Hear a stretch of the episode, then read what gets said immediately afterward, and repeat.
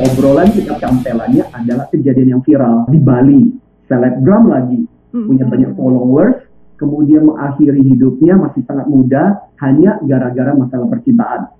Yang kedua, kejadian yang di Gunung Kidul. Hmm. Sama masalah percintaan lagi. Yang ketiga, nah itu yang beberapa hari yang lalu. Dan itu membuat banyak pendidik, banyak orang tua kemudian jadi refleksi. Karena apa? Kalau kita perhatikan statusnya si anak ini, itu kan sebenarnya komennya dua. Komen tentang gurunya, komen tentang orang tuanya. Kita mengatakan bahwa mungkin kita tidak menyalahkan siapa-siapa, tetapi pada saat ketika ada status seperti itu, harusnya itu jadi pembelajaran buat kita. Kita bisa membayangkan betapa sedihnya orang tua yang kehilangan anaknya dalam usia 12 tahun dengan cukup tragis. Ini sebuah alarm yang betul-betul harus jadi perhatian buat kita. Bagaimana sih gejala-gejalanya? Banyak kasus seperti ini kemudian tidak pernah terungkap karena biasanya sama orang tua atau keluarga dan sebagainya disembunyikan. Tapi memang kejadian seperti ini banyak terjadi sih ya kalau kita bicara yang lebih luas lagi. Kejadian yang Jepang itu sampai 2000 lebih kasus bunuh diri di bulan Oktober dan itu mencapai angka yang paling tinggi. Kita sering kali berpikir usia 12 tahun itu nggak mungkin berpikir tentang hal itu ada salah. 12 tahun itu memungkinkan sekali bahwa bisa berpikir tentang bunuh diri itu. Nah, dari hasil data dari Imaji Inti Mata Jiwa tahun 2015 sampai 2017 menunjukkan paling banyak penyebab bunuh diri itu 43% karena depresi.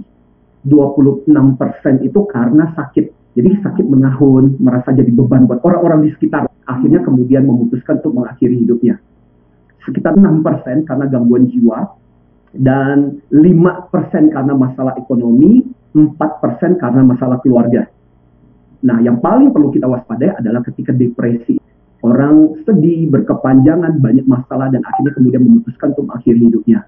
Contoh kejadian misalnya di Jepang yang baru-baru ini selama masa pandemi ini, ternyata paling banyak itu adalah wanita. Dan ketika diteliti, ternyata banyak di kalangan wanita di Jepang itu mengalami PHK, dan ketika PHK mereka harus berurusan dengan rumah tangga, harus membesarkan anak, ikut terlibat di dalam pendidikan anak, dan itu menimbulkan stres yang sangat tinggi. Termasuk dengan anak dan remaja, yang perlu menjadi bahan catatan kita sebenarnya adalah soal depresinya itu. Ini sebenarnya kita harus bersyukur di satu sisi. Anak itu kan mengalami tingkat kematangan secara intelektual makin cepat. Jadi memang ada penelitian yang kemudian mengkaitkan anak sekarang itu makin pintar secara kognisi. Gizi makin baik, pengasuhan orang tua semakin baik dan itu membuat anak semakin pintar. Nah, ketika anak semakin pintar, cara berpikir mereka semakin maju. Nah, kasus ini juga merupakan salah satu bagian dari konsekuensi anak yang semakin pintar juga. Makanya jangan sampai kita berpikir bahwa nggak mungkin anak-anak usia SD, anak-anak usia SMP, kok bisa-bisanya? Di zaman gua usia kayak begitu, boro-boro. Ya itu kan usia orang tua dulu. Nah sekarang situasinya mereka berbeda. Pemicunya apa sih? Internal, apakah eksternal? Tapi boleh dikatakan ini adalah gabungan dari dua-duanya. Eksternal itu berarti ada kejadian yang memicu kalau dalam bahasa psikologi itu namanya risk factor. Hmm. Jadi faktor resiko. Misalnya contoh baru kehilangan orang yang dia kasihi, tadi juga masalah percintaan, atau misalnya contoh keluarganya mengalami sesuatu kejadian misalnya perceraian, atau misalnya contoh dia mengalami sebuah trauma yang luar biasa. Itu kan faktor-faktor dari luar. Nah, ditambah pertanyaan begini, kenapa sama-sama mengalami kejadian yang sama? Tapi kenapa si anak A bisa begitu tegar, kenapa si anak B bisa begitu lembek dan rapuhnya? Ya persoalannya balik lagi ke internal kan sekarang.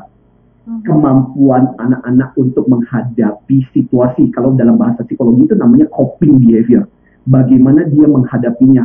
Anak-anak itu berbeda. Bahan materialnya ibaratnya si anak itu lain. Maka ketika dia menghadapi tekanan, kondisinya juga berbeda-beda Hmm. anak terbiasa handle masalah atau tidak. Itu juga akan menentukan bagaimana dia menghadapi situasi seperti itu. Ambang batas dia untuk menghadapi tekanan, pressure, stres itu juga berhadapan. Apakah anak itu termasuk kompulsif misalnya atau orangnya reaktif yang Hmm. kalau ada satu masalah langsung kemudian merespon. Nah ini juga berpengaruh makanya sangat penting mengenali juga faktor kepribadian si anak itu. Nah, tapi ada satu juga yang menarik untuk kita waspadai lebih kepada sosial. Ya mungkin eksternal tapi sosial.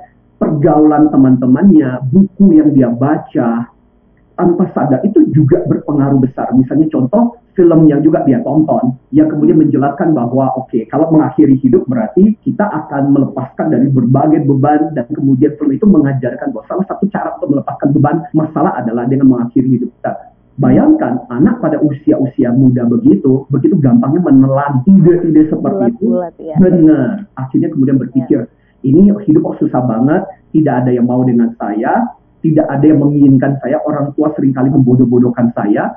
Guru juga seperti itu, tekanan begitu berat, mendingan saya akhiri hidup saya, maka semua segala sesuatu akan selesai. Hmm. Makanya sangat penting buat kita untuk mengantisipasi tanda-tanda yang berhubungan dengan depresi satu, ketika dia mulai secara implisit atau eksplisit banyak ngomong soal bunuh diri di hmm. status sosial. Seringkali respon kita salah terhadap kejadian seperti ini. Salah itu misalnya contoh, melarang. Wih, anak kecil nggak boleh ya ngomongin tentang hal itu. Nah akhirnya kemudian banyak dari anak-anak ini sebenarnya ketika berpikir bunuh diri dan dia merasa nanti kalau aku ngomong dianggap aneh dan sebagainya. Sehingga hmm. akhirnya kemudian mereka nggak ngomong sama sekali. Atau misalnya contoh yang diejek oh dasar lu kebanyakan mikir. Itu juga respon yang salah. Hmm. Atau misalnya anak yang disepelekan. Ah udahlah, nggak usah mikir yang kayak gitu, yang mikir yang aneh-aneh kayak begitu, disepelekan. Atau yang sering kali terjadi adalah ditantang. Ayo coba buktiin kalau berani. Nah itu juga respon-respon yang salah. Makanya kenapa sangat penting sebenarnya pada waktu ketika anak mulai omong seperti itu, eksplisit, implisit, kita harus selalu anggap itu sebagai sesuatu yang serius. Lebih baik kita mencegah daripada kemudian kejadian kan. Hmm, Atau ya. yang kedua adalah kalau anak itu punya banyak episode tentang kesedihan, tentang hmm. kesengsaraan, hmm. tentang perasaan-perasaan yang berurusan seperti itu. Dan itu juga berarti bagian dari proses depresi. Dan ketika itu berkepanjangan, akhirnya orang merasa kenapa hidup susah banget Nah, dia mungkin sampai pada satu titik tertentu, dia berpikir, saya harus mungkin lebih baik mengakhiri hidup saya. Atau berbagai kegiatan yang tadinya dia suka, hobi yang suka dia kerjakan, tiba-tiba dia stop sama sekali. Nah, itu juga sebuah sesuatu yang sebenarnya harus jadi curiga. Why? Apa yang sebenarnya terjadi? Atau dia mulai menarik diri dari pergaulan sosial. Iya. Lantas kemudian beberapa yang kejadian juga mulai membagi-bagikan barangnya. Atau perilaku-perilaku yang berbeda. Sering murung, susah tidur. Nah, itu berbagai hal yang sebenarnya perlu jadi kewaspadaan. Karena ternyata si anak yang viral itu menggunakan kalimat KMS. Saya baru tahu KMS itu singkatan Kill Myself. Saya nanya, anak kelas 1 SMP. Kamu tahu tentang istilah ini sejak kapan? Allah, Dedi udah ketinggalan zaman. Saya mah kelas 5 SD, saya sudah dikasih tahu sama teman saya. Kebayang nggak sih Meaning anak seperti ini tahu tentang istilah itu di luar jangkauan pemikiran kita. Kita berpikir anak kita masih krocok kemarin sore yang tidak tahu apa-apa. Nah sering kali orang tua tuh merasa jangan ah nanti kalau ngobrolin tentang bunuh diri membuat anak ingin berpikir bunuh diri. Dengarkan baik-baik para orang tua guru berdasarkan hasil riset ternyata tidak ada obrolan tentang bunuh diri akhirnya memicu anak untuk bunuh diri you know what? Banyak intervensi kecil seperti itu yang ternyata kemudian break the pattern. Kayak di sekolah, alangkah bagusnya kalau guru itu ketika mendeteksi itu lebih baik di counter, dikonfrontir hal seperti itu. Sampai pernah ada satu kejadian di Inggris, ada satu anak yang kemudian jadi bahan bully karena dia gendut plus kemampuan belajarnya tuh parah. Karena sering dibully, akhirnya dia memutuskan mau bunuh diri untungnya waktu mau bunuh diri itu sempat ngomong sama satu gurunya. Dan gurunya bilang begini, daripada kamu mengakhiri hidupmu, saya punya satu tantangan buat kamu. Kamu buktikan kepada teman-teman yang bully kamu bahwa kamu bisa lebih baik daripada mereka apa pun. Dan akhirnya dia mulai menjalankan, dia punya toys, mainan, dan kemudian dia jual secara online dan kemudian sukses. Di usia 17 tahun dia menjadi miliuner, dan teman-teman yang pernah membuli sekarang bekerja buat dia. Hmm. ada pertanyaan yeah. apakah agama itu akan membantu mendukung ya banget karena itu akan menjadi semacam nilai moral buat mereka dan kadang-kadang pada detik-detik terakhir sebelum melakukan itu kadang-kadang itu bisa menjadi semacam kayak benteng untuk menghalangi orang nekat untuk melakukan itu Saran saya sebenarnya adalah satu, memahami mengenai tanda-tanda gejala-gejala itu dan orang tua mulai harus waspada. Itu terjadi pada anak kita nggak? Yang kedua, risk faktornya ada nggak? Ada nggak sesuatu yang memicu? Makanya sangat penting buat orang tua tuh connect dengan sosmed, dengan yang namanya Facebook, Instagram. Nah, memang kalau misalnya gejala-gejala seperti itu, ketika nggak teratasi, jauh lebih gampang untuk ngomong dengan orang yang di luar sana sih bagus juga bawa ke psikolog karena psikolog kan punya cara untuk menggali karena iya. kalau ngomong sama orang tua you are the problem hmm. ngomong sama guru you are the problem saya mau cerita juga saya sempat diskusi dengan anakku sekarang mari kita balik kalau kamu jadi orang tua apa nasihatmu supaya anakmu tidak bunuh diri ya ini jawabannya si Louis SMP kelas 1 dia bilang kalau saya jadi orang tua saya akan ikuti dulu hmm. tetapi bukan berarti memberikan segala-galanya saya akan ikuti supaya anak merasa bahwa idenya dihargai dulu. Hmm. Paling nggak dikasih angin istilahnya. Baru setelah itu membuat anak jadi tidak merasa langsung diikat. Terus dari kakaknya sendiri, George kasih komentar begini, kalau saya jadi orang tua harus tahu batas kemampuan anak, limitnya anak.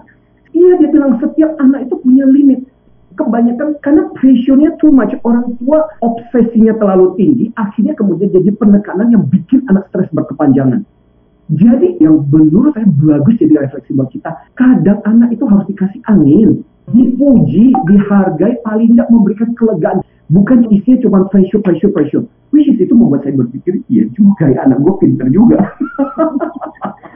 apa yang mereka bilang adalah tuntutan nggak apa-apa tapi balance jadi ada gas dan remnya. Ya. Jangan sampai kemudian isinya cuma gas mulu, nggak ada remnya. Paling nggak diajak ngobrol santai kayak ngomongin apa kayak gitu. Mereka sendiri mungkin udah stres gara-gara pembelajaran online, tidak punya teman, di rumah terus-menerus, merasa bosan. Ya.